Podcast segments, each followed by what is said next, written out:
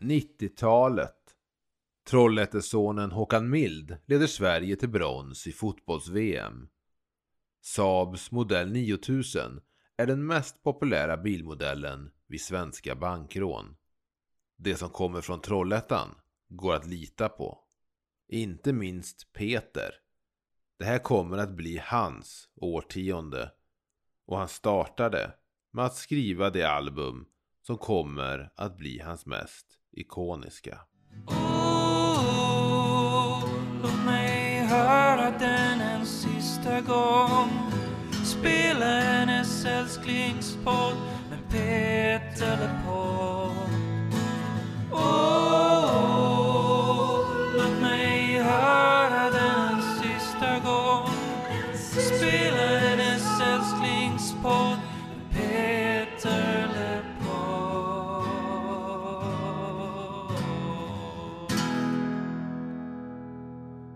Välkommen hem!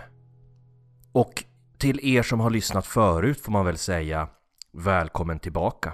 Men jag tycker ändå det är på sin plats att eh, vi också välkomnar våra nytillkomna lyssnare. För jag tror att det här är ett sånt avsnitt som gör att människor som inte har lyssnat på vår podcast Peter Lepodd har kommit hit för första gången. Och oavsett om vi är, är eh, nya bekanta eller om ni har hört min stämma och min poddväns stämma innan så låt mig presentera mig. Jag heter Tony och mitt emot mig sitter Emil som jag gjort hittills och kommer göra. Genom den här resan vi är på Tony. mm. Du har inte funderat på ett namnbyte? Annars brukar det ju vara så att när, när eh, man har ett sån-namn och man har lämnat Trollhättan Att man byter. man byter till ett artistnamn. Ja, jag tänkte, jag, jag har fokat på mitt förnamn, jag är eh, lite glad. Jag tycker Emil är ett bra förnamn. Mm. Ju... Tony är väl mer tvivelaktigt. Ja, Ja. De, de namne som jag har Tony Braxton Tony Morrison Mm. eh, När vi inte pratar namn så pratar vi alltså om Peter Lemark och hans diskografi Och eh, i det här avsnittet så har vi kommit fram till en skiva som man kan säga är ehm, ett steg uppåt, ett steg framåt i Peters karriär. En skiva som skulle vara ett större publikt genomslag. Vad är det vi ska prata om, Emil? Vi ska prata om skivan Sången de spelar när filmen är slut. Jag sitter faktiskt och håller i den nu, Mm. vinylen, ditt exemplar. Av någon anledning så är det den enda skivan med LeMarc jag inte har i samlingen. Och Hur, hur känns det? Nej, det känns, ett, det känns inte roligt. Två, eh, jag vill undvika att behöva betala massa frakt och få hem, hem den till mig. Men eh, det är en sån skiva också när man tar upp att ja, jag har inte eh, sången de spelar på vinyl, det är den jag inte har. Då, till exempel du, har ju sagt om, men den hittar man ju överallt. Den finns ju alltid i skivbackarna. Men det gör den inte. Mm. Så den är lite knepig, men det är en jäkligt fin skiva. Du har alltså alla skivor som Peter gjorde på Ten, Trend Records. Ja, Alla tre. Du har Marmor. ja. Du har eh, som sagt, du, du, jag sitter och kollar på din samling här. Du har liksom ehm, Jag har dem man har släppt. Svag- Inte singlarna dock. Nej. Men singlar är...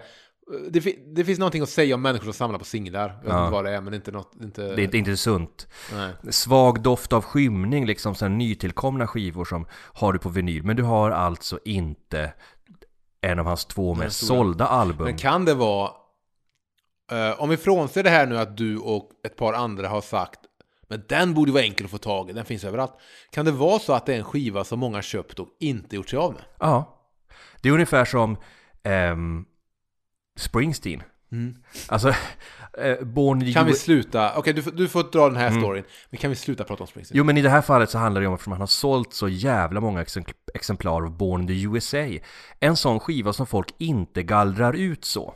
Nej.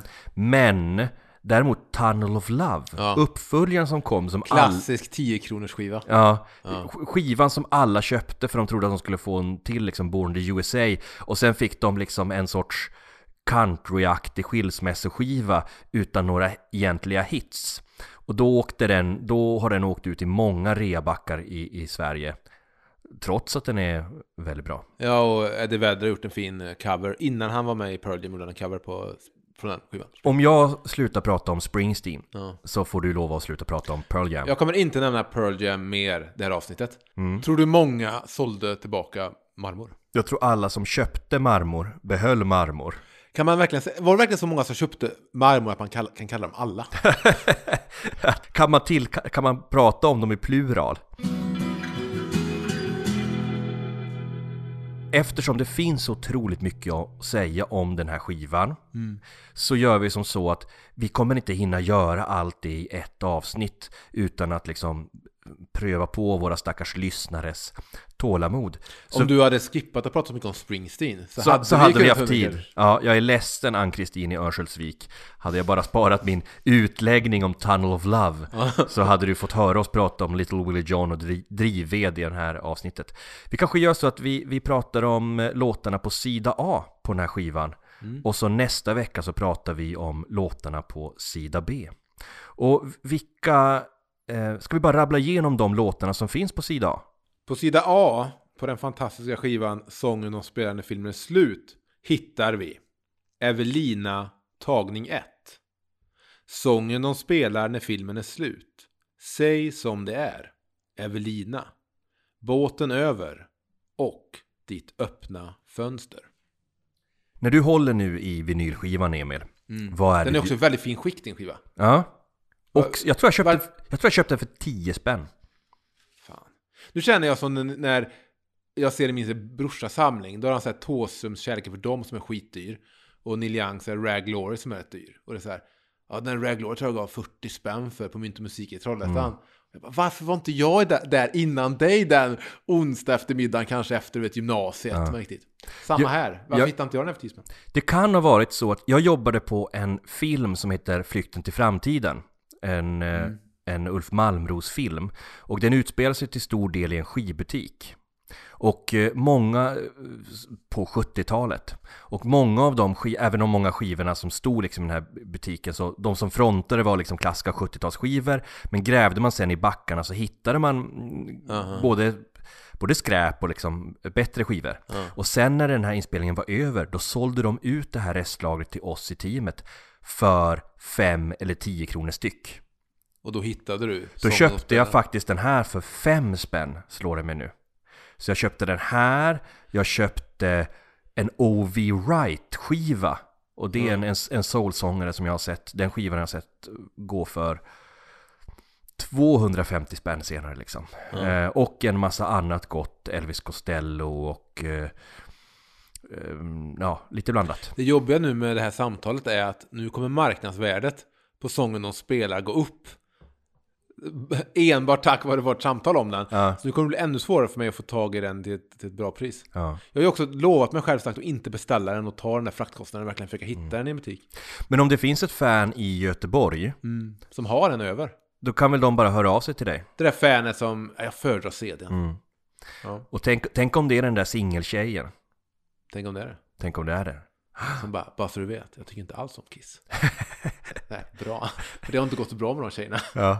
Vill, vill du, ehm, eh, om, vi, om vi fortsätter kolla på själva albumet här, själva den fysiska. Vill du, vill du beskriva den grafiska profilen? Det ser, alla har ju sett omslaget, men Du verkligen alla har det. Är det ett av de ikoniska svenska skivomslagen från 90-talet? topp fem. Topp 5? Ja, helt klart. Jag vet inte vad jag ska säga, det är en väldigt här, kontraststark bild på omslaget. eh, utbränd bild på när Peter traskar eh, vid hamnen. Det du har sett som ett, eh, ett järnvägsspår, Tony, vet jag.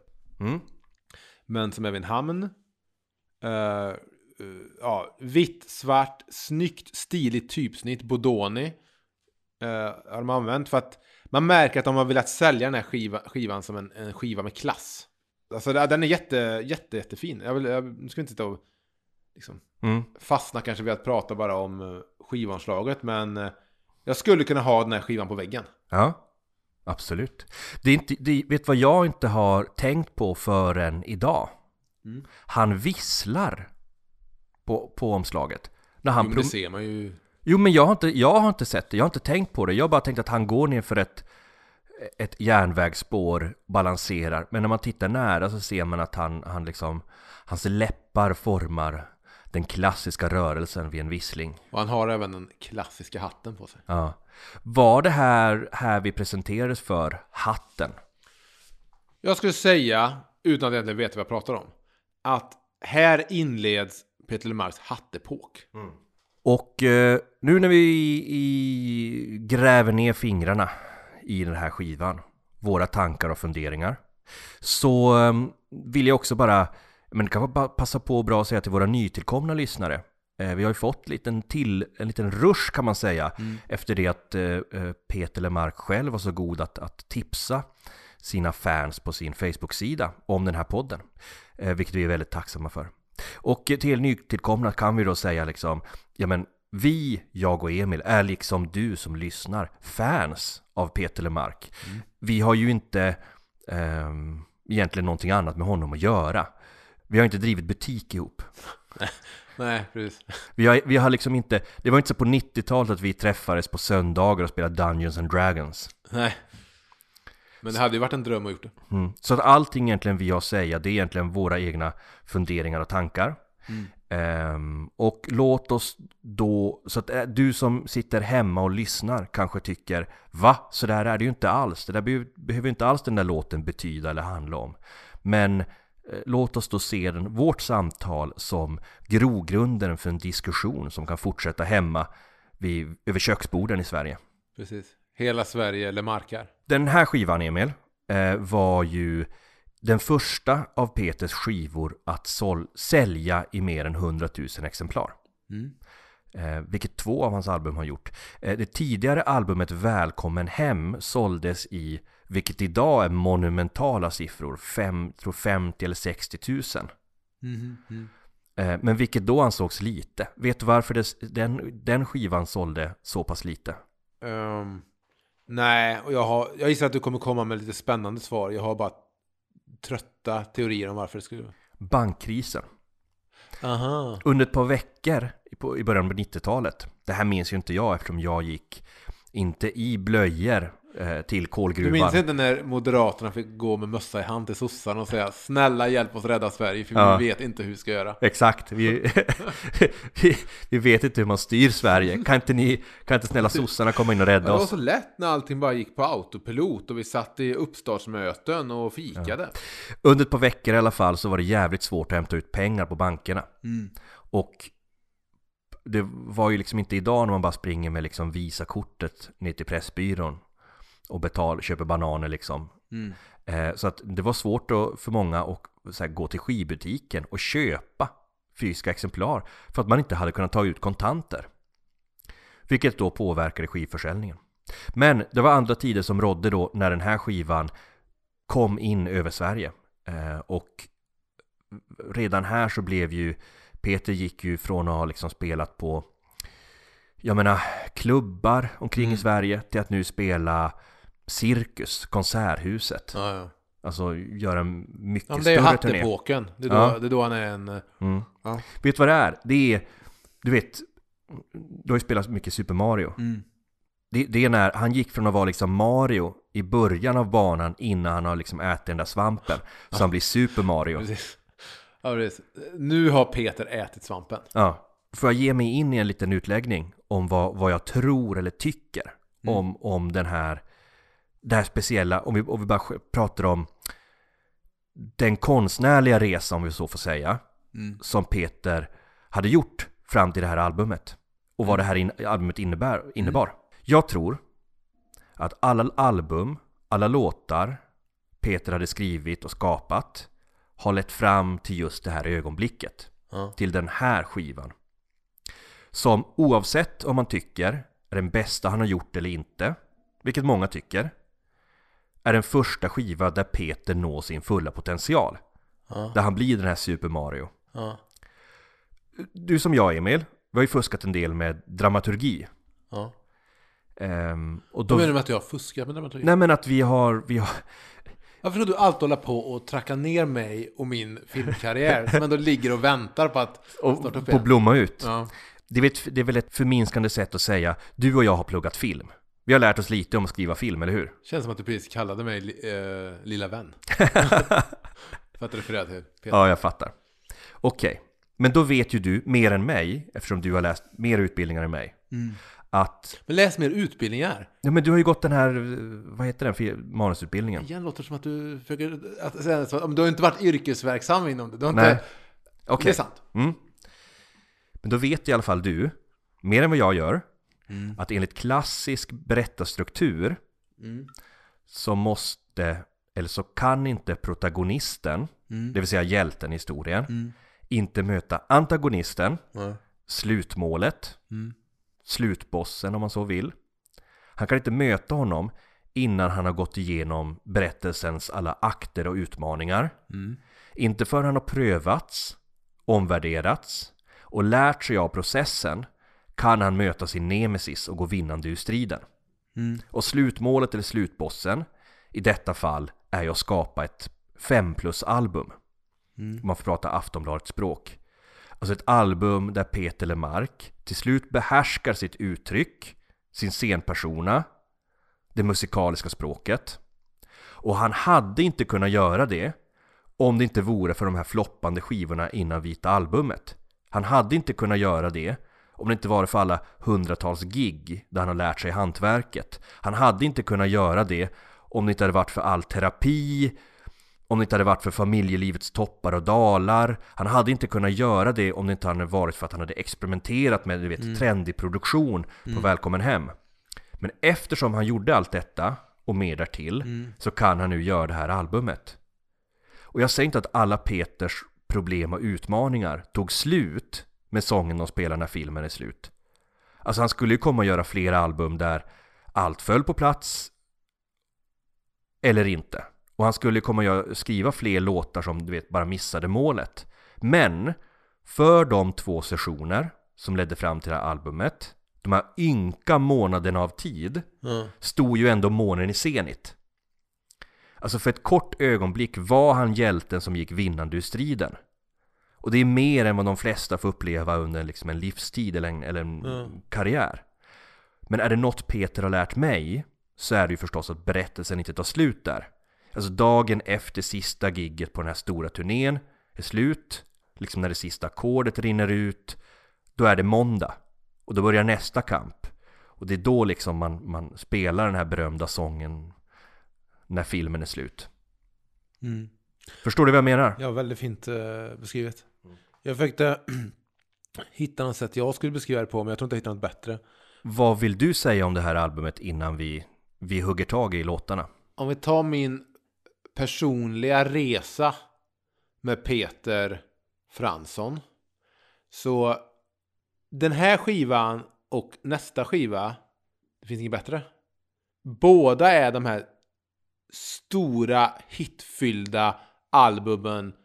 Men den här skivan har jag nog lyssnat på betydligt mindre Mm. än Det finns inget bättre Jag i min uppväxt. Och det är ju enkla saker som påverkar sånt. Det är Mm. att ja, mamma hade Det finns inget bättre på CD, men den här skivan hade inte vi på CD hemma. Och sånt där. Men alltså man skulle väl kunna säga, nu kommer jag jämföra med Bob Dylan igen, jag ber om ursäkt. Men om man, om man skulle jämföra det här med Bobs diskografi, så skulle kanske sången man spelar vara Highway 61 Revisited. Eh, och det finns inget bättre vara Blond om Blond. Utan några andra jämförelser om liksom innehåll eller kvalitet.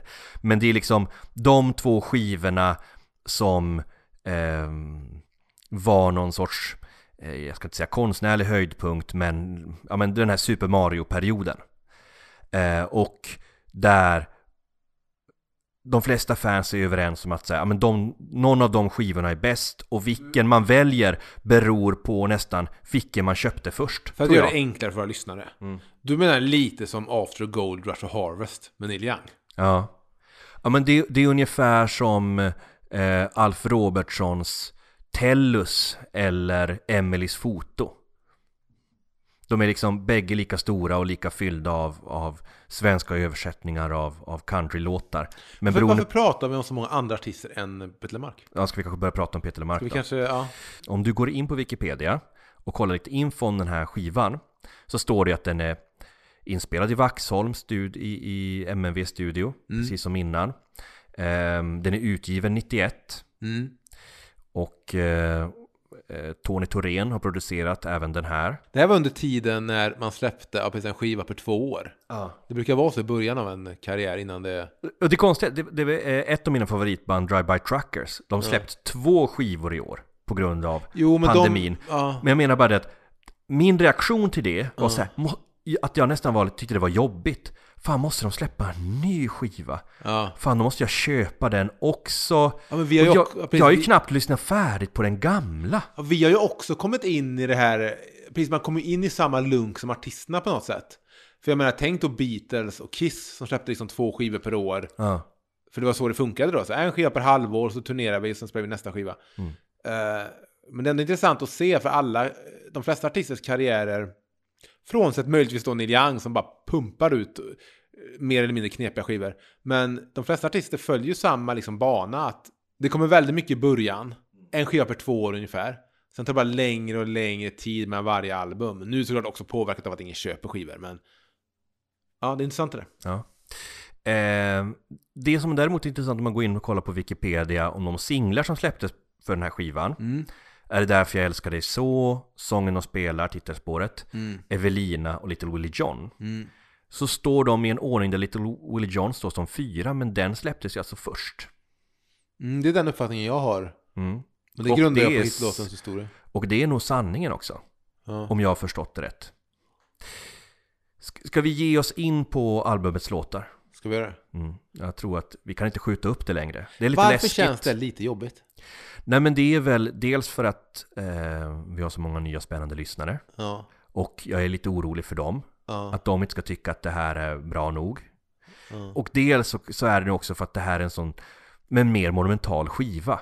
Alltså man kan prata om hur man älskar en sargade själ och vilken bra, det låt, bra låt det är på Välkommen Hem. Men man är också lite skyddad av att den inte är en kanske lika omtalad och älskad låt som säg Drivved eller Evelina.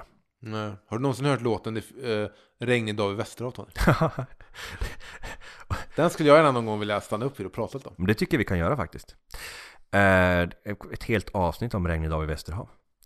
Eh, och sen så, men sen så slår det mig Emil, att om man tänker på den oro och den osäkerhet som Peter ibland sjunger om på det här albumet, Mm. så kanske det är samma oro vi känner som han känner. Ja, du menar att vi börjar tappa förmågan att skilja oss från verket. Vi och verket börjar bli ett.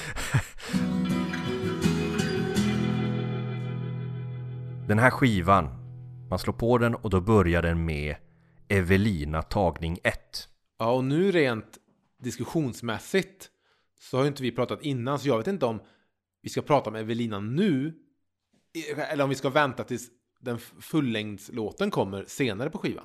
Ska vi göra som så att låt oss prata om själva innehållet och själva låten när vi pratar om Evelina, eh, vad är det, tre, fyra låtar in. Så att vi kan ju bara nämna och beskriva det här introt som, som skivan har då. Ja, att den, ja, Ja, att det är liksom, det är en vers och en refräng av det som då ska komma. I en väldigt avskalad version. Ja. Eh, Peters röst och ett ensamt piano. Det som jag kan säga, rätta mig om fel, är att versen är dock inte samma Ja, som sen i popdängan.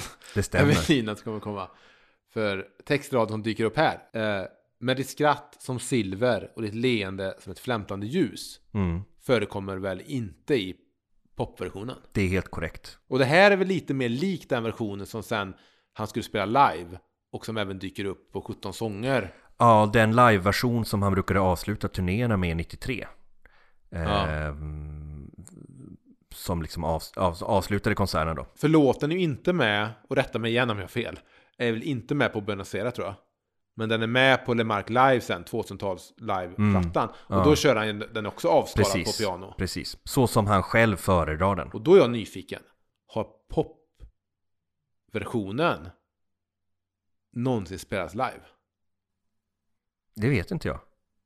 Låt oss prata mer om popversionen när vi, när vi kommer dit. Låt oss göra det. Eh, men det jag tycker är härligt med det här lilla anslaget Mm. är ju att precis som intro till närmare gränsen Mm.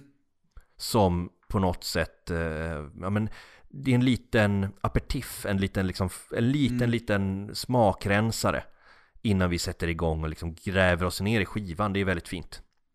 Mm. Vet, vet vad som hade kunnat varit ett alternativt intro? Mm. Ja. Låt mig säga hur jag startar den här skivan. Mm. Nu är jag Tony Thorén. Du är Peter Fransson. Då hade jag sagt, du Peter. Om nu skivan av någon anledning ska heta Sången de spelar. eh, ehm, av alla titlar. Det, det, det är intressant det här tycker jag bara själv. Det kanske kommer till sen. Det är intressant det där med varför man döper en skiva till titelspåret. Men hur som helst. Jag har sagt så här. Peter Fransson. jag- ser det här framför mig. Man hör ljudet av en biosalong. Man hör folk som sitter och tisslar och tassar lite. Ett popcorn äts i ena stereohögtalaren. Sen hör man ljudet av applåder. Filmen är färdig och vi hör sången de spelar när filmen är slut gå igång. Det är fint. Mm. Jag hade ju tänkt föreslå, det finns ett extra spår på, på Spotify och på, säkert på någon serieversion som heter 59 sekunder. Som också är, eh, jag vet om det är akustiskt eller ett piano och Peters ensamma röst. Eh, och som slutar i, ehm, nu har jag inte texten framför mig, men, men eh, där hela låten bygger upp mot att låt mig djupa dykt, eh, dyka ner i ditt sköte. Skumt av Petter Mark att använda det ordet. Ja, det, har, det har jag aldrig gjort förr. Ja, den låten, jag har inte tänkt så mycket på den, men jag råkar hamna upp i en diskussion med, eh, jag får inte prata om Pearl Jam i det här avsnittet, så låt oss säga att det var med en person som är ett fan av ett, ett grungeband från Seattle, som fortfarande är ett av de eh, bästa livebandet som finns i världen. Hur som helst, och då nämnde han ju så här typ, oh, alltså 59 sekunder, att man kan säga så mycket med sån liten tid eller någonting. Och då var så här, ja den låten, men jag har inte eh, kanske stannat upp vid den i mitt liv så, men, men det är en låt som eh, jag kan säga är en av de där viktiga då, och kanske skulle startat den här skivan. Ja. Vi kan ju gå vidare på titelspåret. Sången de spelar när filmen är slut. Ja, det Peter säger själv om låten är ju att det var tänkt att det skulle vara ett treaktdrama. Så det fanns ju någon, någon planering innan sen, tanke om hur den skulle läggas upp. Ehm, och att det var någonting som han själv insåg då efter att ha sett en Bergman-film på tv. Jag vet inte om han säger nämligen vilken Bergman-film. En lektion i kärlek. En lektion i kärlek. Jag hade tänkt försöka hinna se den inför det här avsnittet, men jag hann inte. Men, ja precis, och den är ju skriven, det är ju en av de här klassiska, konkreta historierna som Peter Lemark har skrivit. Som är så här, ja, okej, vi får faktiskt följa ett narrativ från början till slut i ja, en akt per, per eh, vers egentligen. Men det jag stannar upp vid är att jag i mitt liv haft tre olika tolkningar av vad sången de spelar när filmen är slut betyder och vad låten handlar om. Ska jag dra dem? Absolut, det kan du göra. Ja, då är det då den första. Den naiva tolkningen från uppväxten. Det var att den här, den här strofen, den här textraden, sången de spelar, refrängen. Att det bara var en symbol, liksom för ett delat ögonblick i en relation. Som att det är en låt som råkade spelas under eftertexterna. Och kanske att det liksom blev karaktärernas gemensamma låt. Att det bara handlar om att, ja, när de spelade den låten som vi nu minns, för den spelades ja, i, i filmen i eftertexten första dejten. Så då trodde jag det bara var ett sånt, att det var så här, jaha, det handlar om, om det här, det är bara en symbol på något sätt för den här äh, relationen. Lite tänkte jag att du sitter 86 och kollar på fredag den 13 del 6 Jason Lives på bio, Mm. första dejten. F-texterna går igång och så spelar Alice Coopers låt Man behind the mask. Mm. Att det blir så här, vare sig vi vill det eller inte, älskling, men så är det vår nu låt är det här nu. vår låt. Ja. Lite så. Sen den andra tolkningen kom då jag nog själv hade levt lite. Då trodde jag att den textraden refererar till alltså slutet på en relation. Att eftertexten som rullar är för relationen. Och låten då blir någon sorts bild för att här sätter vi punkt för den här relationen. Så det var en breakup-låt.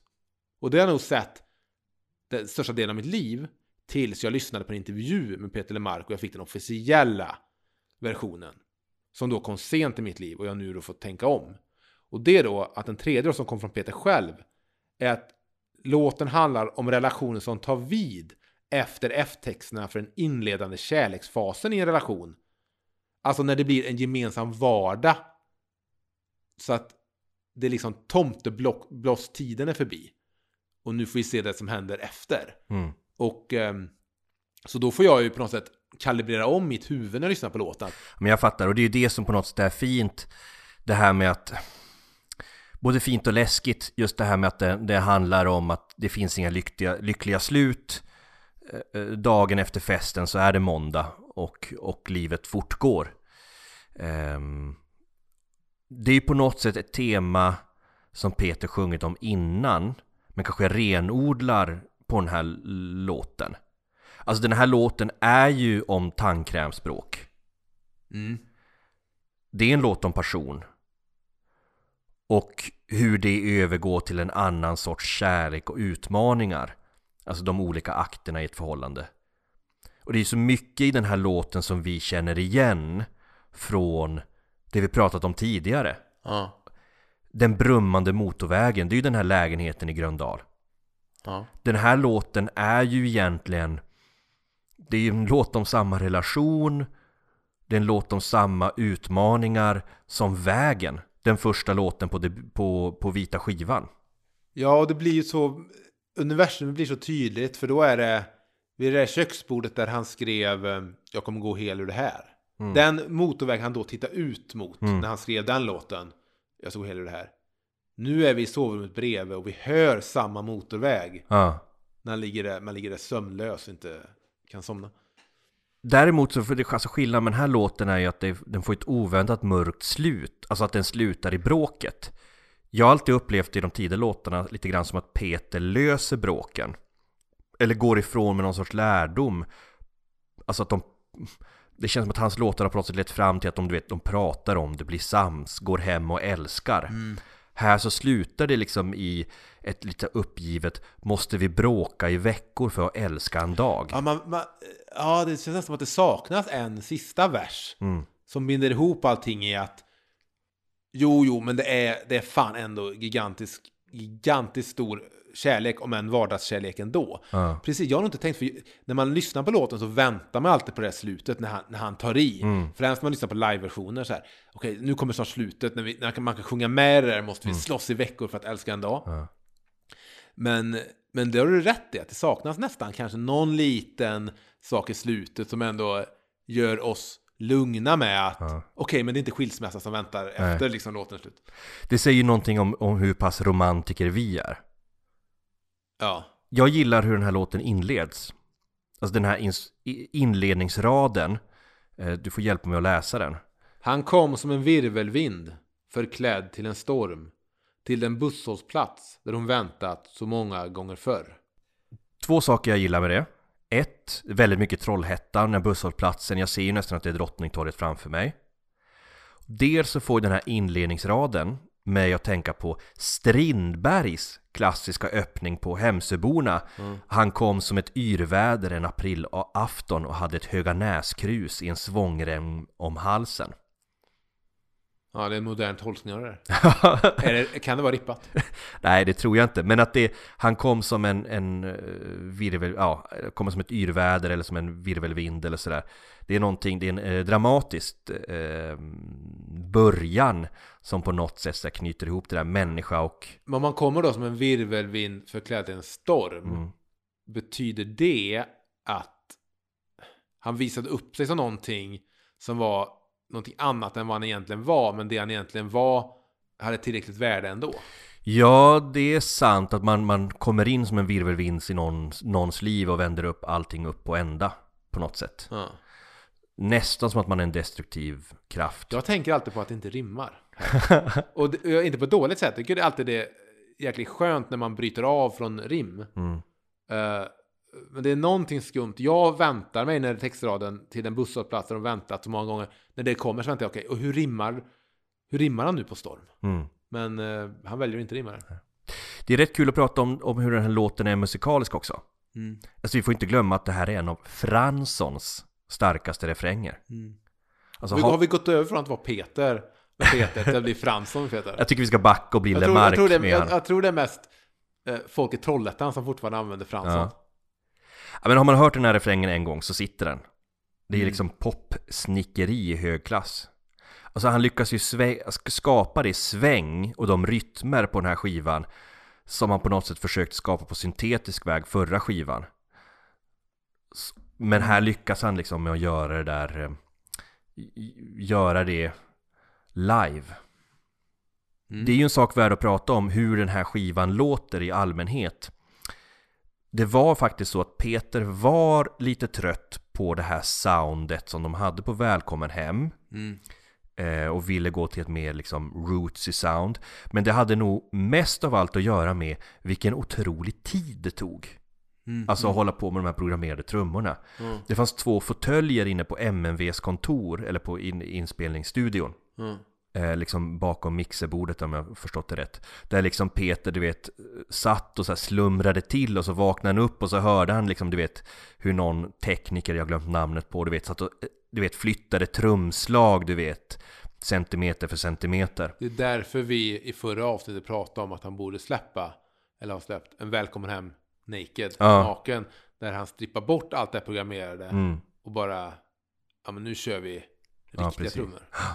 Eh, och det var väl den chansen de tog på den här skivan, att för att det ska Mm. gå snabbare och faktiskt bara få ner låtarna på tape. Mm. Så liksom kör med ett riktigt band, får det att låta äkta, får det att låta liksom Och det har ju gjort också att den här skivans sound har ju åldrats fruktansvärt bra Det här låter ju skitbra Ja, men det, det blir så ju renare det är såklart, ju mindre tids... Eh, typiskt blir det och då Ja. åldras det bättre. Sen pratar vi även om då, det var väl i Välkommen Hem avsnittet att samtidigt får ju en skiva låta av sin tid också. mm. Och det är ju inte kul om allt låter bara så här för rent. Ja. Skivor får gärna ha en identitet. Absolut. Men det, har, det, det är inte så att Mm. den här skivan har tappat sin identitet på något sätt. Nej, och då blir ju det här soundet som den har nu, blir ju Mm. den, dens identitet Som jag tycker går väldigt bra i samklang med liksom både utformning och musikvideo och sådär Mm. Ska vi prata om musikvideon? Ja, det kan väl. Det, det, jag gillar ju när saker sitter ihop estetiskt. Det tycker jag är snyggt. Jag kan störa mig ett exempel på, som exempel då, för att du ska förstå vad jag pratar om. Jag kan störa mig på om eh, typsnittet på en titel i en film inte stämmer överens med hur den ser ut i poster art och liknande. Jag tycker liksom, så, genomgående tycker jag att man ska hålla ihop allting visuellt.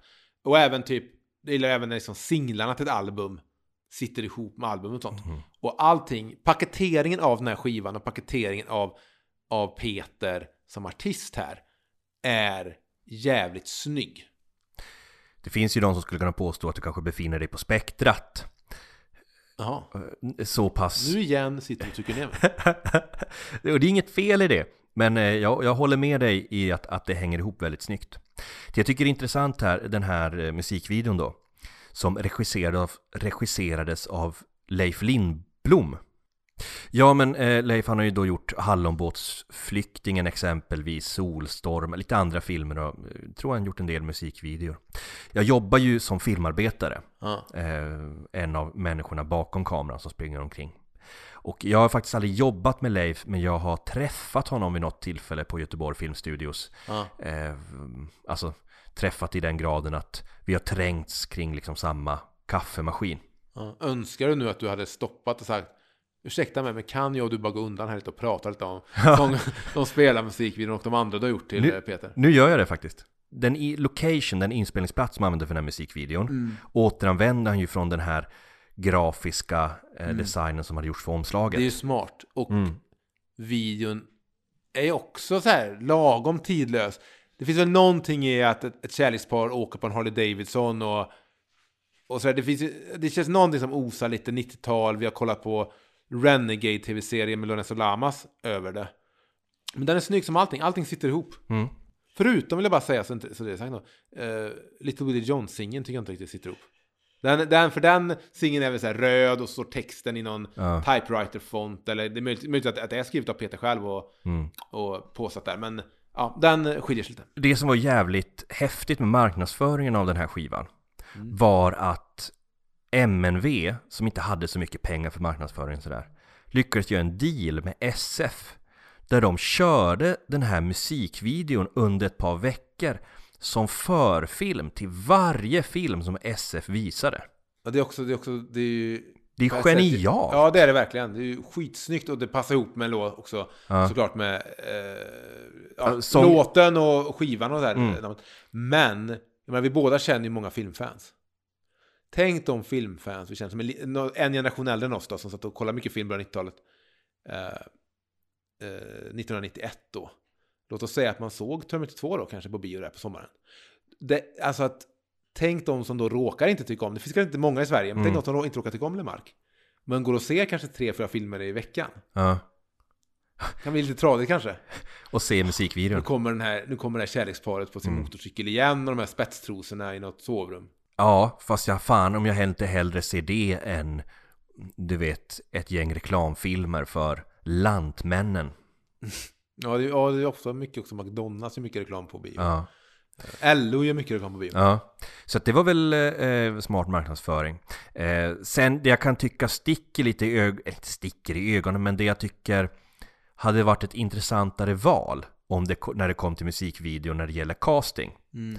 För det är ju en del jag har jobbat med, casting. Mm. Jag hade nog, de här skådespelarna som spelar det här unga paret, Ja. Fotomodellsparet om jag får säga det. Ja. Pia Oskarsson tror jag det är. Eh, Och sen någon dansk regissör som spelar den här killen. Jag tycker väl att det hade varit mer intressant om de kanske, okej visst de kan börja så. Ja. Men sen när vi ser dem senare i musikvideon så hade jag hellre velat att de såg ut som trötta småbarnsföräldrar. Efter tomteblåskärleken, alltså när Ja. texten har rullat. Att det är lite mer ringar under ögonen och du vet man har inte duschat på två dagar och lite kräks på, på babykräks på Det axeln. tänker jag med. Det är en väldigt så här, sexig video. Det känns som att den är lite, lite, lite inspirerad av så här George Michaels Freedom där när han Mm. hade massa supermodeller satt och mimade till låten. Eh, eh, precis, det, det blir, låten är ju väldigt folkhem, socialrealism, det är diskbänksrealism. Mm. Så Ja. det finns ju, det finns ju något som eh, skär det lite. Nästa låt på skivan är Säg som det är. Mm. Peter säger själv att han fick idén till låten från ett radioprogram av Kjell Alling. Som är en person som är kan man säga före din och min generations upplevelse på radio. Återigen ett tema som Peter varit och nosat på innan. Men här snidat fram till en mer koncentrerad låt, ett koncentrat. Den hör väl ihop lite med sånger på det sättet. Det handlar ju också om... eh, För han säger väl det att... ehm, eh, Att den handlar liksom om hur- om hur man får ett förhållande att överleva förälskelsens första rus. Mm. Och sången de spelar handlar ju också om hur, hur ser relationen ut efter kärlekens första rus. Så det här blir... Ja. Det här är väl kanske verktyget hur man får den att överleva sången de Mm. spelar när filmen är slut. Och den låten handlar väl i slutändan om, om hur viktigt det är att tala sanning. Kärleken är omöjlig där lögnen har slagit rot. Mm. Men precis, och det är den, den textraden jag fastnar vid. För att det känns som att det är lite klassiskt med Peter. Att han skriver låtar som lätt skulle kunna bli väldigt allmän. eller lite där. Det kan falla in och bli lite generiskt. Men så kommer någon så här liten svärta eller, eller något allvar eller något, så här, något personligt i det. Som gör att, eh, att jävlar, nu får jag ändå typ lyssna. För det här är ju, det här är ju någonting riktigt. Det här är ju inte bara någonting som Mm. går in i ena örat ut genom andra. Man lyssnar Mm. på, liksom, på Mix Megapol. Och det är som du säger, just den. Eh, en liten lögn faller som en sjunkbomb ner. Lögner sprids, snart faller ännu fler. Vi kryssar fram genom minfält av otrohet. Förr eller senare briserar varje liten hemlighet. Mm. Låter exakt som min sommar när jag, en relation exploderade. Det är sant, jag har aldrig hört dig berätta om det här innan. Nej?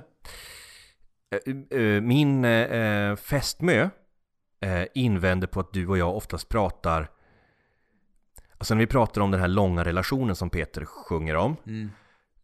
Att det blir för mycket om motigheterna och det hårda arbetet Alltså att det utmålas för negativt liksom den här långa Mm. relationen Och att det bara skulle vara motigt och hon har ju rätt i det att vi kanske, vi kanske har liksom pratat om det så. Ehm, och vi borde ju kanske prata mer om hur jävla gött det är liksom med att älska någon och allt det där. Och det kanske vi gör på låtar tror jag på sida B mer. Mhm. Ehm, jag tycker ändå att när Peter sjunger den här låten och säger man måste tala sanning, det är viktigt för att man ska få det att gro. Mm. Ändå väver in den där liksom frukterna man får om man, om man liksom Mm. gör det här lyckas leva enligt det här att säga som det är och tala sanning. Eh, minns du hur vi, hur vi föll min vän, hur vi brann och kunde prata sen? Det är upp till oss att hålla denna härd vid liv.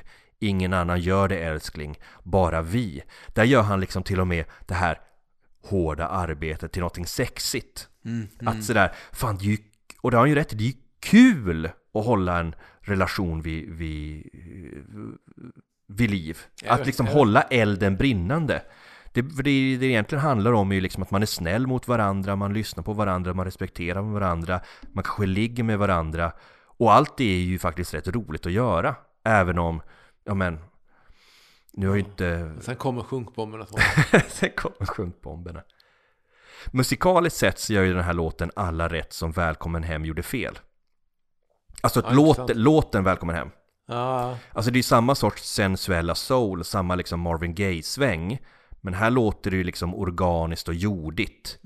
Det låter ju liksom, du vet, rödvin och, och pastan kokar och tända ljus och bastun är på uppvärmning. ja. ja, precis. Ja. Det, det svenska sensuella. Vet du, jag gör middagen ikväll älskling. Den typen av sådär. Ja. Ja, precis. Den, den, där, den där liksom när man är lite såhär belåten bara, Du, ikväll får du sätta dig ner, ikväll är det jag som lagar mat Sätt dig och titta på På spåret. Ja, Jag löser det här. jag löser det Du, var är stekpannan? Så- så- Men för i helvete, vart är den? och bara hör du den skramlar och slår i alla... ja.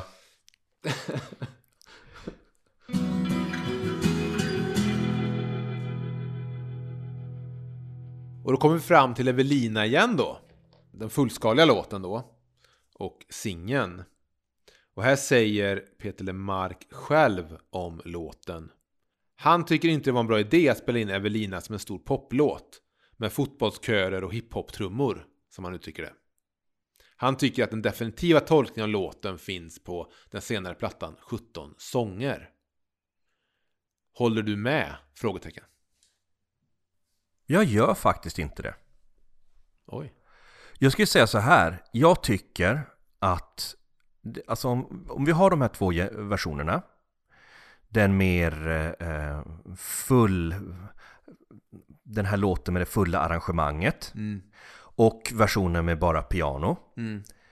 och sång Så är det två helt olika låtar Mm. Men jag tycker om bägge lika mycket Och det låter som att någonting säger för att vilja klappa med hårs Men så är det faktiskt inte Jag tänker på Och jag tror så här, vad det- jag tror att orsaken till att jag tycker det Är för att du och jag Emil Vi har kommit in i Peter Lemark Efter 17 sånger.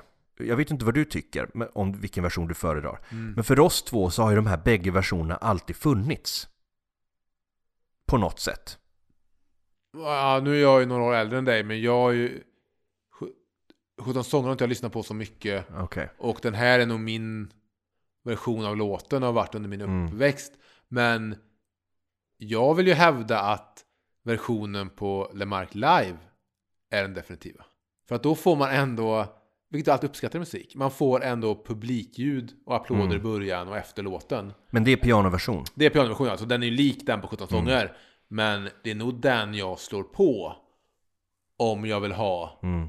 lite Evelina i mitt liv. Jag tänker så här, för mig är det här ungefär som eh, Bob Dylan-låten Idiot Wind. Som finns på skiva släpptes med en fullbands, fullbandsversion.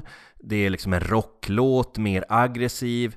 Eh, 91 så kom den på Bootleg Series en akustisk, en pianoversion som är mer introspektiv, mer, ehm, vad ska man säga, mer nyansfull, nyansrik. Jag säger inte att jag, jag gillar bägge versionerna lika mycket. Man får två olika låtar, man får två olika saker utav dem. Ja, men så, Och Kan- efter, kan du hit- eft- kan- eftersom att det i min värld alltid har funnits bägge versionerna så har inte Mm. jag behövt vänta på att pianoversionen ska komma. Åh fan, den där Evelina är ju bra men den är ju inte lika bra som när man kör den live. Men den versionen finns ju inte att få tag i. Utan för mig så har det liksom alltid funnits bägge versionerna att gå, i mitt eme- gå emellan. Ja, men du var inte och såg Lemark 93 då? Jag var på, ju inte det. På turnén när han körde den Nej. akustiskt? eh, 93 så såg jag min första spelning istället då med Mora Träsk. Ja, ja. ja man, man gör ju sina val i livet. Ja. Så är det ju. Ehm, jag vet ju att Peter själv, det tog inte länge innan han ångrade sig som du precis sa. Redan när Evelina singeln släpptes så kände ju han att nej, eh, nu har vi slösat bort en bra låt. Eh, men det fanns liksom på den tiden så var det så här, men låtarna måste ju ha arrangemang och grejer, de måste ju Ja. arbetas på.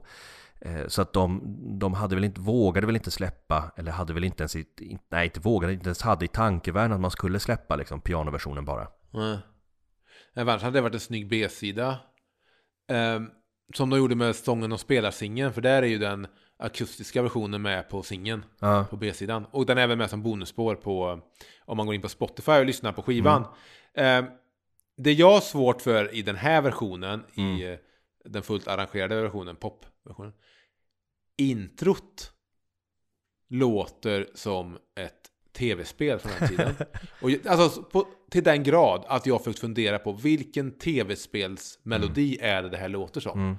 Och jag, jag kom inte på det själv och jag frågade mina bröder och jag har även frågat några andra, men ingen har riktigt kunnat säga vilken melodi det är. Så det kan vara så att jag bara, att det bara, soundet är så likt att jag har skapat minne. Men jag har en klar bild av att det här låter som något tv-spel. Mm. Jag förstår inte riktigt eh, poängen med det där hissmusiksintrot. Som sen återkommer i refrängerna. ja. Det hade jag nog, du. ja, det hade jag nog låtit ryka. Det hade jag tagit bort tror jag från. Ja, Jag gillar den här mer energifyllda versionen.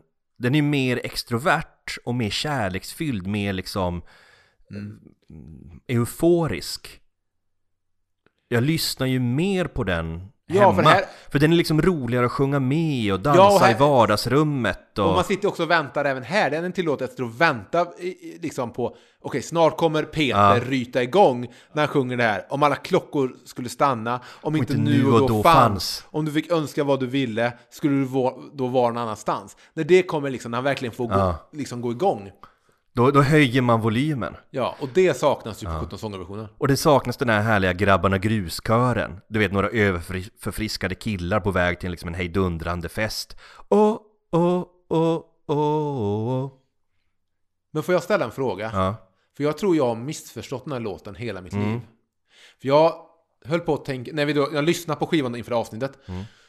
Så gjorde jag någon, började jag tänka ihop någon sån här utläggning. eh, för att prata om hur trött jag är och hur vidrigt det är med den här fetischiseringen som, som sker av servicepersonal Mm. i Sverige av män.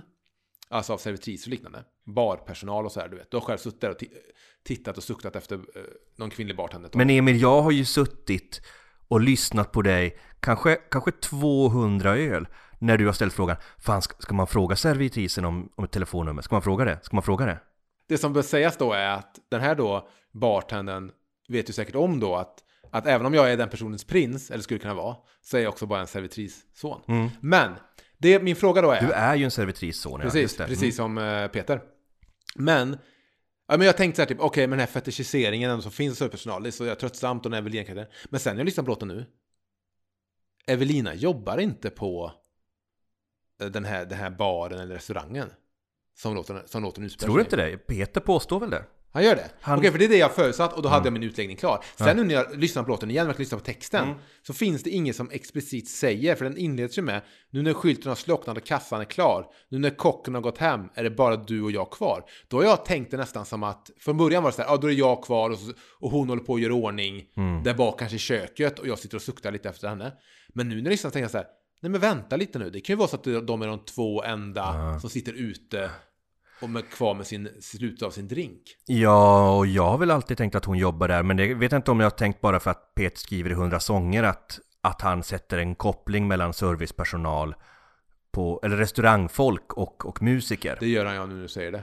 Då är vi tillbaka till att jag vill bara säga att den här fetischiseringen av, som sker av folk som jobbar eh, med, med yrken där de har hotell och restaurangfacket blir lite... Tänk så här då.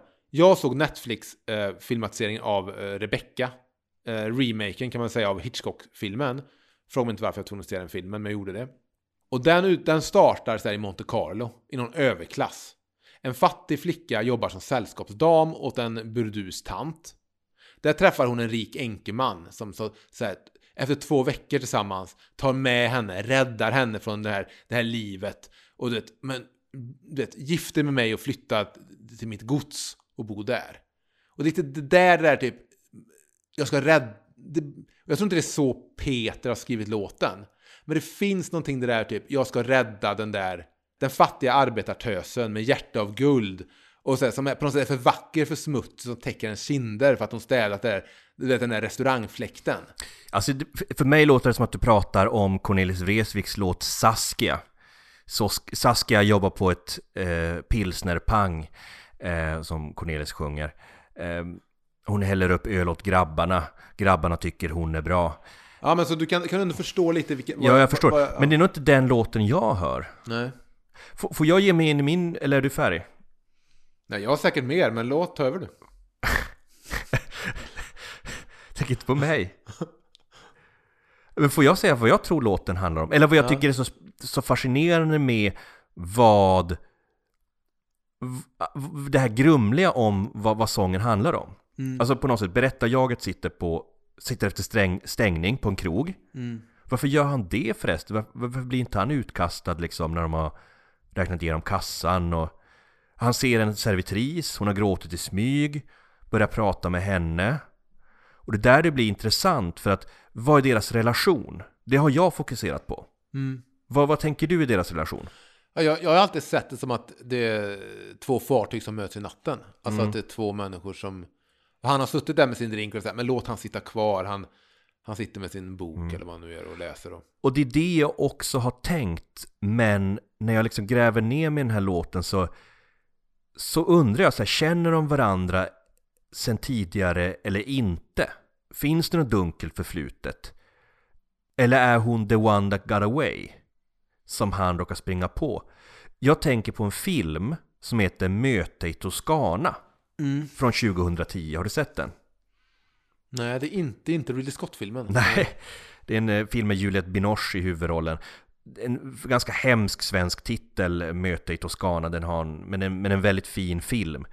Eh, och den handlar om en brittisk författare och en fransk kvinna som jobbar i någon sorts souvenirbutik. Som möts i Italien och de åker ut till en by. Och vad jobbar mannen med, säger du? Han är en författare. Ja, fetischiseringen igen. Ja. Den intellektuella, det akademiska, det upplyfta. Ja. Möter den lilla pigan och ska rädda henne. Klassiskt, typiskt ett manligt perspektiv. Så kan det vara. Och från början av, av filmen så kanske det är den känslan man får. Man får intrycket att de aldrig har träffat varandra innan. Och att, så här, men varför slår de ens följe? Men samtidigt så känns deras möte från början som om det lurar något annat under. Sen en bit in i filmen, lite spoiler men inte så mycket, låtsas kvinnan att hon är gift med mannen och det börjar liksom någon sorts rollspel. Eller är det det? Är det sanningen de plötsligt börjar prata om? För plötsligt pratar de med varandra som att de har haft förflutet och att det finns ett trauma bakom. Eller är det bara så att de tillåts projicera varandras tidigare erfarenheter på varandra? Som någon sorts terapi? Och filmen löser på något sätt upp gränserna för vad de olika kärleksrelationerna i deras förflutna och det samtalet som de har i nutid. Och det gör mig som tittare osäker på något sätt. Är det samma sak jag brottas med i den filmen, den osäkerheten som jag brottas med i den här texten? Alltså, är det här två människor, två skepp i natten som du säger, säger? Eller är det två människor med ett förflutet som nu inte låtsas om som att de känner igen varandra? Eller, eller är det att de, som han sjunger, du påminner om någon jag älskade en gång? Mm, och även du känner inte igen mig. Ja. Jag rinner genom åren i en älv som är så lång. Visst, det blir mer spännande om det är så att det handlar om en gammal kärleksrelation och det här är flera år efter och de möts igen. För låten hoppar lite i, i, i tiden känner jag. Det jag inte vet, för jag vet inte om det är en, en berättelse som är också i tre akter, en akt för varje vers. Eller den sista versen där han pratar om den här, eh, vem är mannen du har på fotot, en halsamulett. Mm.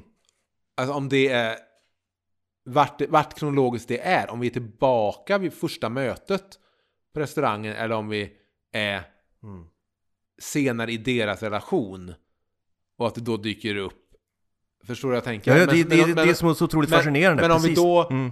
Och egentligen, det här är en sån sak som jag egentligen tycker att vi borde analysera i ett Mm. separat avsnitt. Ja. Men om det är som du säger att det här är en relation som har varit och de ses igen. Mm. Då finns det ju en vits med att hon plötsligt har en annan Ja. man i sin, i sin halsamulett. Får jag läsa den andra versen? Mm. Eh, för att det finns några intressanta grejer där. Du var den vackraste kvinna som gått i regn utan skor. Och där har vi både barfota, jag vill bara säga, jag vill inte avbryta din fina Mm. läsning, men där har vi någon som går barfota och någon som befinner sig ute i regn. Jag säger det, det här är en renodlad Peter Det Lemark-skiva. här är prime Mm. Peter. Du var den vackraste kvinna som gått i regn utan skor. Mellan lyckorna och ljung. Och det, lyck, här sjunger han ju återigen precis som han gjorde som på Spök-Amazonen. Ja. Extra spåret på vita skivan. Mm. Sjunger han om, om lyckorna igen. Har du varit i musselbaren i Lyckorna? Jag har ju inte det. Det enda jag kan, känner till om det jag Lyckorna. tycker det ändrar allt med låten, att den plötsligt ger en geografisk beskrivning. Men det är ju klassiskt Peter. Är det, är det här lite generiskt? Nej. Nej. Där boom kommer det något personligt, eller något mörkt, Mm. eller något socialrealistiskt. Gud vad vi skrattade och svor. Du brukar kalla mig din prins, fast jag bara var en servitris son. Jag svär att det kändes som jag bara hade dig. Att leva eller dö för, jag trodde du var en del av mig. Men när jag sökte dig i veckor, i varje blick, i varje telekatalog. Om du tror jag bara glömde eller suddade ut, när jag har sparat allt i dolda fack och låst precis som du. Det är i alla fall den här versen får mig att tänka på. Även om det är så att han projicerar på den här kvinnan. Eller om det är så att han känner igen henne, han har hittat henne. The one that got away. Alltså det vill säga den där människan som man kunde. Man känner bara att hade, hade planeterna stått rätt så hade det blivit jag och den personen. Och jag tror att alla på något sätt har haft perioder, perioder med The One That Got Away. Jag vet att jag i mitt förflutna för länge sedan hade någon jag trodde var The One That Got Away och sen så visade det sig att det var det inte alls. Har du haft en sån? Ja, jag har haft en som var väldigt sådär... eh, det är svårt också när man, när man närmar sig 40, som jag gör till skillnad från dig. Du som närmar dig 35 kanske. Att eh, det finns två olika sätt att se på kärlek. Det finns, det finns de där eh, kvinnorna man träffar och man blir helt tagna av.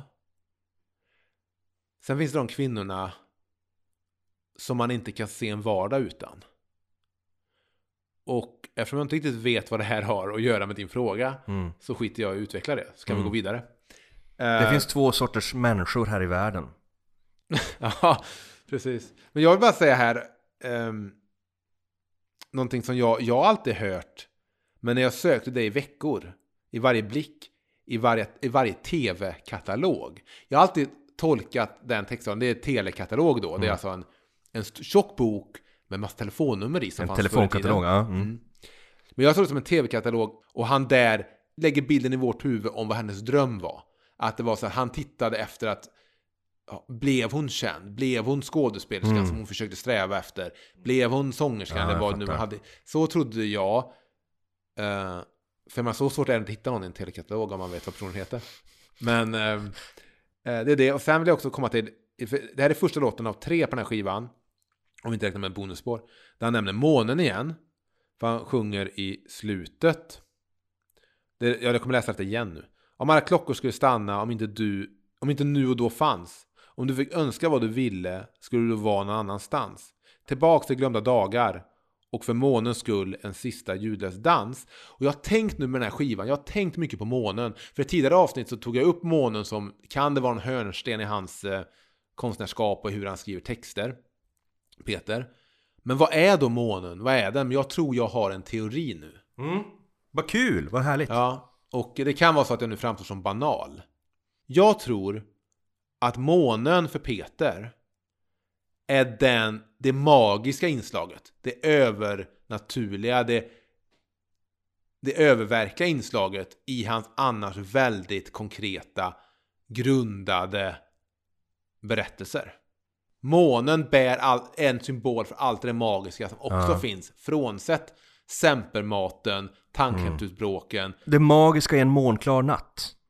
Mm, han, han använder ofta månen på något sätt för att ah, ja, nu tror ni att vi är i en Bo Widerberg Mm, film. Men nu kommer det in något magiskt. Och sen, för jag tänkte, jag stod faktiskt här och tittade på månen en dag. Och så tänkte jag, den här historien skulle bli så mycket bättre om jag kunde referera till en kvinna. Men jag kommer istället använda dig Tony. Ja. Att när du nu åker hem över jul till Kalix, där du är ifrån. Och jag står i Trollhättan. Och jag tittar upp på månen. Och du tittar upp på månen.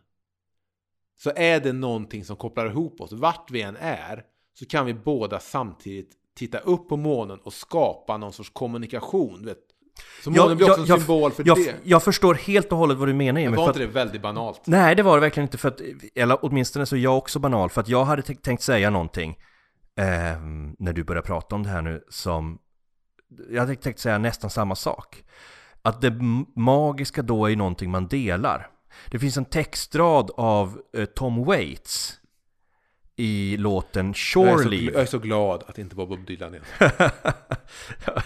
ja, det är skönt att, att få lite respit. Det finns en textrad i, i Tom Waits Shore Leave där han sjunger just precis det du säger, säger just nu. And I wondered how the same moon outside over this Chinatown fair could look down on Illinois and find you there. And you know that I love you baby. I'm so far away from home. Det är jag och Tom Waits. Det är du och Tom Waits.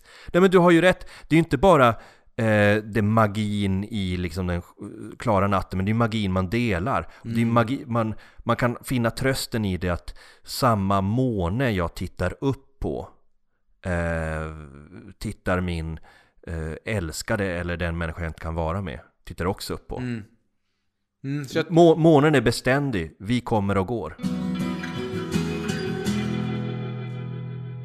Båten över, nästa låt. Peter försöker natta sin son som inte vill sova.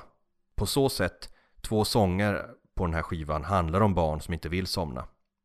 Och eh, han kanske använder den här båten över då som en metafor för att glida över i sömnen.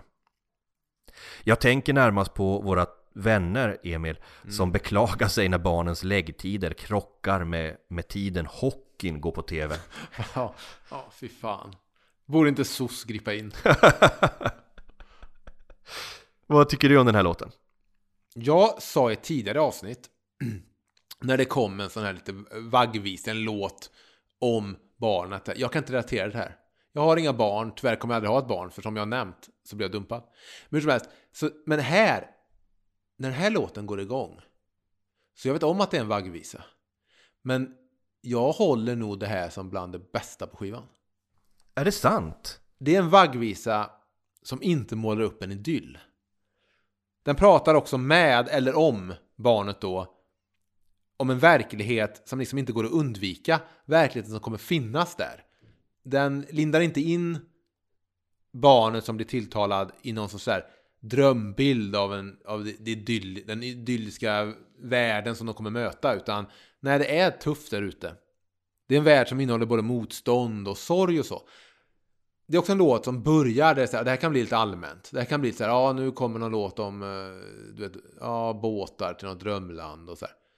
Men sen när det kommer rader som du vet, du har din mors ögon med mitt sätt att ta allting så hårt. Men släpp taget och låt allting bara gå. Då plötsligt säger jag, nej vänta nu, det här är Peters verklighet. Det här är Peter som är, är ärlig med oss om relationen till sin son och, och, och liksom den verklighet han kommer ifrån. Eh, och även samma när han sjunger mot slutet. Din pappa är en faslig far, förtjänar inte det barn han har. När han vågar ta upp det, att det, liksom, det finns en svärta i den här vaggvisan. Så får den att påminna lite om, vill jag bara säga, Pearl Jams låt Around the Bend, som också är en vaggvisa som Eddie Vedder skrev, som också vågar Mm. innehålla en seriös ton. Som är väldigt fin. Och sen har vi även Midnattsmånen, kommer tillbaka. Så månen är ju här med, med här också. Ja, det jag tycker är intressant, vi har ju, du har ju pratat om, bland annat när du eh, blev intervjuad av TTLa, Trollhättans lokaltidning. TTLa. TTLa. Men jag och Peter kallar den fortfarande Trollhättetidningen. Ja. Eh, så, så sa ju du att det som är så roligt med Peters när man följer hans diskografi så är det ju lite grann som att följa tv-serien Svenska hjärtan. Mm. Alltså man följer en familj över lång period. Mm. Och här har vi kommit till den eh, delen eller det stadiet i familjelivsföretagen att barnen har börjat få personlighet. Det är en intressant iakt- iakttagelse. Att, att Peter har börjat se sig själv i dem Ja. eller se deras effekt i honom. ja. Och också att de, att de är nu på väg ut i verkligheten. Ni Mm. kommer behöva möta verkligheten utanför Ja.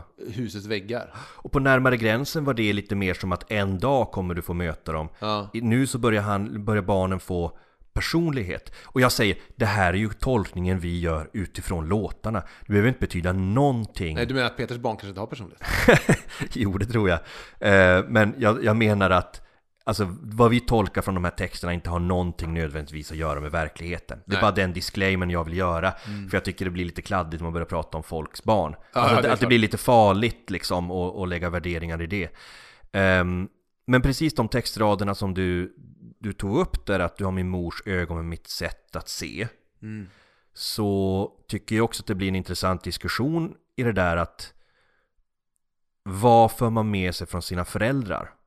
Och vad för man vidare till sina egna barn? Mm. Det är någonting jag har tänkt mycket på Dels relationen i, i, med mina föräldrar Mm. Mina underbara föräldrar Mm. eh, Är de verkligen underbara? De är faktiskt det Det är inte bara sånt jag... Det, Så det, di, det dina, säger dina föräldrar är föräldrarna, sången de spelar när filmen är slut. Om vi räknar album.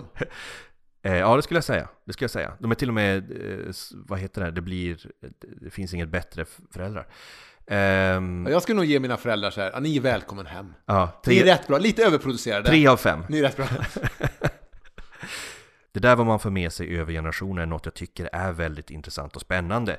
Och jag vet att John Steinbeck, Mm.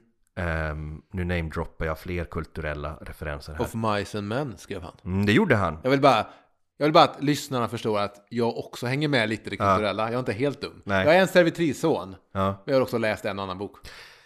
Men i boken Öster om Eden, eh, så East of Eden, så kretsar det just kring det här temat, man får följa liksom generationer över ett långt lopp och få märka att liksom eh, det finns vissa släktdrag som går igenom och vissa saker är vi dömda att föra vidare och vissa saker har vi möjligheten att, att sätta stopp för.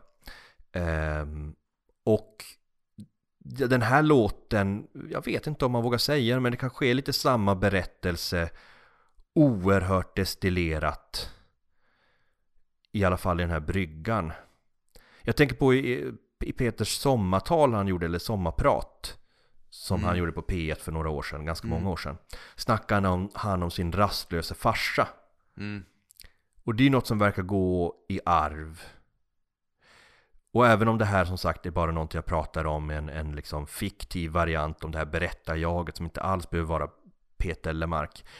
Eh, så tycker jag att det är fascinerande att se det går vidare Mm. genom generationerna, Mm. generationerna.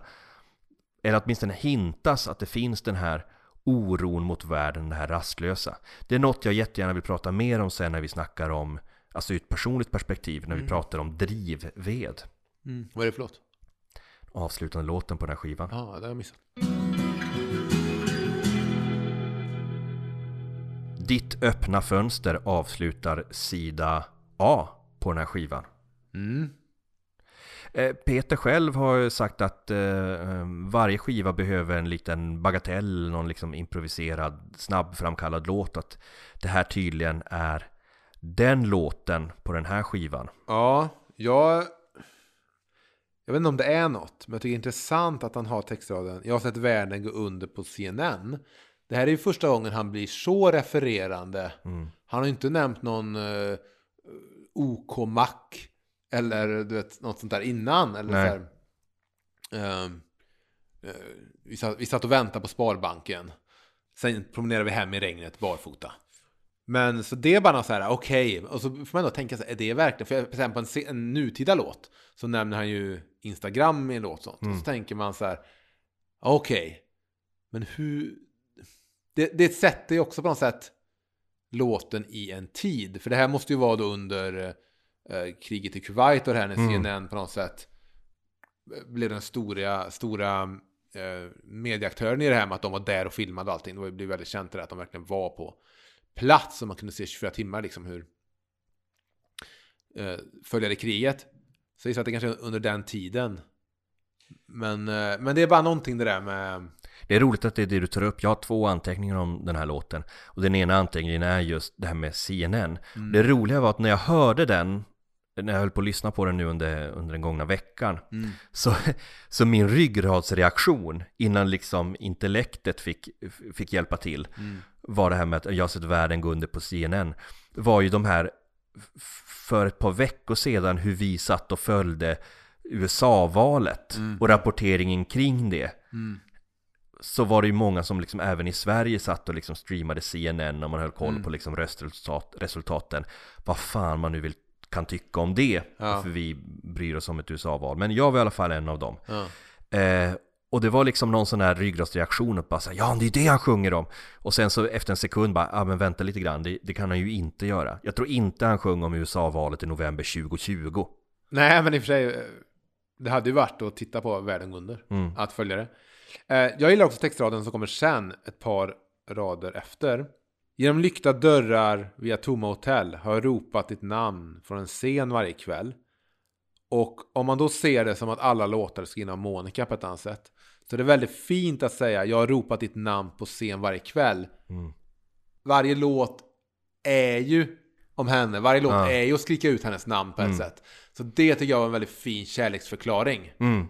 Ju mer och mer vi, vi går fram med den här podden Så och som sagt, det här är ju bara ett eh, Det berättar jagets berättelse om den här långvariga förhållandet med den här kvinnan Det säger ju ingenting om den riktiga Monica Jag börjar mer och mer gilla Monica Mm, det intressanta dock är att vi kommer snart komma, i nästa avsnitt, Mm. så kommer vi ju hamna upp i en diskussion där Monica vill förstöra Peters karriär. Cliffhanger. Ja, cliffhanger verkligen Min andra anteckning som jag har om den här låten Är ehm, ja, men, lite research om hur den här låten kom till Mm. Och eh, det var när de skulle göra den här duetten som sen dyker upp på sida B. Är det därför jag älskar dig så? Så försökte de hitta någon ehm, duettpartner och då prövar de med, med den här kvinnan eh, Nani Porres Jazzsångerska. Eh, En av två sångerskor med statlig inkomstgaranti för konstnärer faktiskt. Eh, Men hon var, papp, eh, hon var hon var eh, mamma till Peter Smoljanski som hängde i studion den dagen. Alltså Eldkvarns dåvarande trummis. Ehm, Så han sa, men fan ring morsan så kommer hon och sjunger. Det funkar inte riktigt på Är det därför jag älskar det så? Så att då fick hon istället gå och sjunga lite fraser På eh, Som, som Peter hade haft antecknat. Ja. Och eh, runt om så byggde de alltså den här låten. Ja, det är Och- snyggt. Ja, det är ganska snyggt och det förklarar ju den här, det här outrot när Peter bara tillsammans med den här sångstämman då från Nanny Porres Mm. rabblar upp lite så här lösryckta ord. Överallt, sidospår, midnatt, narkos, bestråla mig. Man hade lätt kunnat parodiera det här och bara liksom läsa upp, ja men du vet, mikrovågsugn. Kaviar.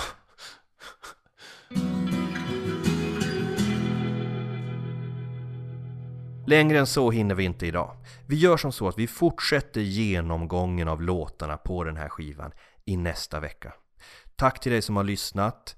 Om du inte redan gör det, följ oss på sociala medier. Petelepodd finns på Instagram och på Facebook. Ehm, tipsa gärna dina vänner så att vi kan nå ut till ännu flera människor som behöver lite Peter Lemark i sitt liv. Ja, och eh, vårt intro och vårt outro är gjort av då Kristoffer Hedberg, Easy October. Finns att lyssna på på Spotify. Det är bandets musik. Och nu är det då dags att förbereda och byta sida på den här skivan. Mm. Och eh, tills vidare så säger jag allt är bra nu. Gitarrsolo.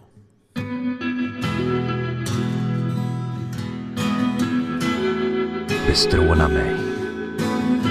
Bestråla mig. Gå och handla. Bob Dylan. Hundmat. Jan Norums syster Tone. Fetischering av servicepersonal.